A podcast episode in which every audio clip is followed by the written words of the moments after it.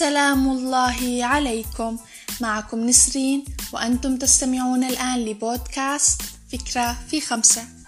في حلقتنا لليوم اخترنا مجددا كتاب العادات الذرية للكاتب جيمس كلير. والفكرة المختارة من هذا الكتاب مفادها انسى أمر الأهداف وركز على الأنظمة بدلا منها. لربما تبدو هذه الفكرة صادمة للكثيرين مثلما كانت صادمة لي. فبعد عديد التراكمات من ثقافة تحديد الأهداف وأن ذلك هو أساس النجاح وما إلى ذلك يأتي جيمس كلير في كتابه العادات الذرية ويقول لنا تجاهلوا أهدافكم ولا تضعوا نصب أعينكم إلا أنظمتكم. ولكن السؤال هنا وقبل أن نعرف ما المقصود بالأنظمة لماذا تعد طريقة وضع أهداف محددة طريقة غير فعالة؟ الإجابة مختصرة في خمس نقاط وهي: أولاً الرابحون والخاسرون لديهم نفس الهدف وهو تحقيق النجاح، ومع هذا فهناك رابح وخاسر، إذا فالأهداف بحد ذاتها ليست معيارا للنجاح. ثانياً تحقيق بعض الأهداف ما هو إلا تغير لحظي تعود بعده المشكلة نفسها. ثالثا تحد الأهداف من سعادتك لأنها مربوطة بتحققها وتأجيل الشعور بالسعادة حتى ذلك الحين. رابعا تحقيق الأهداف يؤدي إلى النكوص للعادات القديمة فحينما يتحقق الهدف ينتهي الحافز. خامسا تدخلنا الأهداف في صراع إما أو فإما أن نحقق الهدف ونكون ناجحين ونشعر بالإنجاز أو نفشل في تحقيقه ونصف أنفسنا بالفاشلين.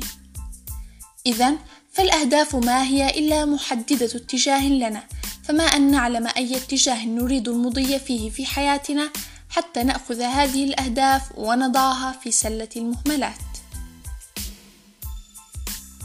والآن نأتي لسؤالنا الثاني: ما المقصود بالأنظمة؟ الأنظمة هنا هي العمليات أو الأفعال والعادات التي تقوم بها في حياتك والتي تؤدي إلى تحقيق النتائج التي ترغب في الحصول عليها. بعد أن أحطنا علما بمفهومي الأهداف والأنظمة، نأتي الآن لنتساءل: كيف يمكننا أن نطبق هذا المفهوم الجديد عن فاعلية الأنظمة في حياتنا؟ بداية علينا أن نحدد القيم التي نريد أن تكون أساس حياتنا، فمثلا أن تكون ملتزما، ذو صحة جيدة، مسؤولا ومجتهدا إلى آخره، أي ببساطة قيم تريدها أن تستمر معك طوال حياتك، وليست مرتبطة بتحقيق أهداف معينة. بعد هذا التحديد، نأتي للمرحلة الفعلية من طريقة التركيز على الأنظمة. حيث نبدأ بتشكيل حياتنا وعاداتنا اليومية بناء على ما حددناه كمعيار لنا، أي نخلق لنا نظامًا عامًا بحيث يساعدنا على تمكين هذه القيم واستمرارها في حياتنا. وكمثال عملي لما أوردناه، تخيلوا معي فتاتين، واحدة اسمها عائشة والأخرى فاطمة. عائشة تؤمن بفاعلية الأنظمة مقارنة بالأهداف، أما فاطمة فترى أن تحديد أهداف معينة هو أساس النجاح. عائشة وضعت أساسا لحياتها وهو الاجتهاد في العمل، أما فاطمة فوضعت هدفا أمامها وهو أن تصبح طبيبة بحلول عام 2027 والإثنتان دخلتا كلية الطب. عائشة وباتباعها لنظام شخصي مبني على الاجتهاد في العمل كانت كل يوم تجتهد في دراستها وطلب وطلبها للعلم وهي مستمتعة بهذه العملية بحد ذاتها.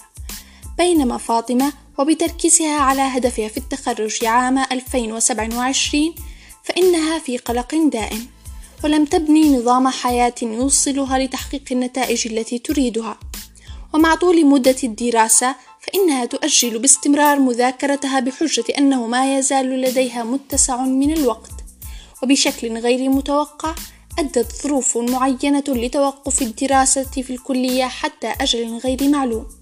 فعائشة استمرت على نظامها ولم يتغير عليها شيء بينما فاطمة دخلت في حالة نفسية سيئة نتيجة هذا التغيير غير المتوقع والذي سيؤثر في هدفها. ومن هذا المنطلق استمرت حياة عائشة بنظامها بجودة وكفاءة بينما تعثرت حياة فاطمة وتأجل أكثر ميعاد سعادتها المتمثل في تخرجها. إذا خلاصة حلقتنا من بودكاست فكرة في خمسة ركز على بناء أنظمة في حياتك تساعدك على النجاح في أي شيء تريده ولا تضع تركيزك على أهداف محددة نجاحك مرتبط بتحقيقها أستودعكم الله الآن في هذه الحلقة الأخيرة من بودكاست فكرة في خمسة.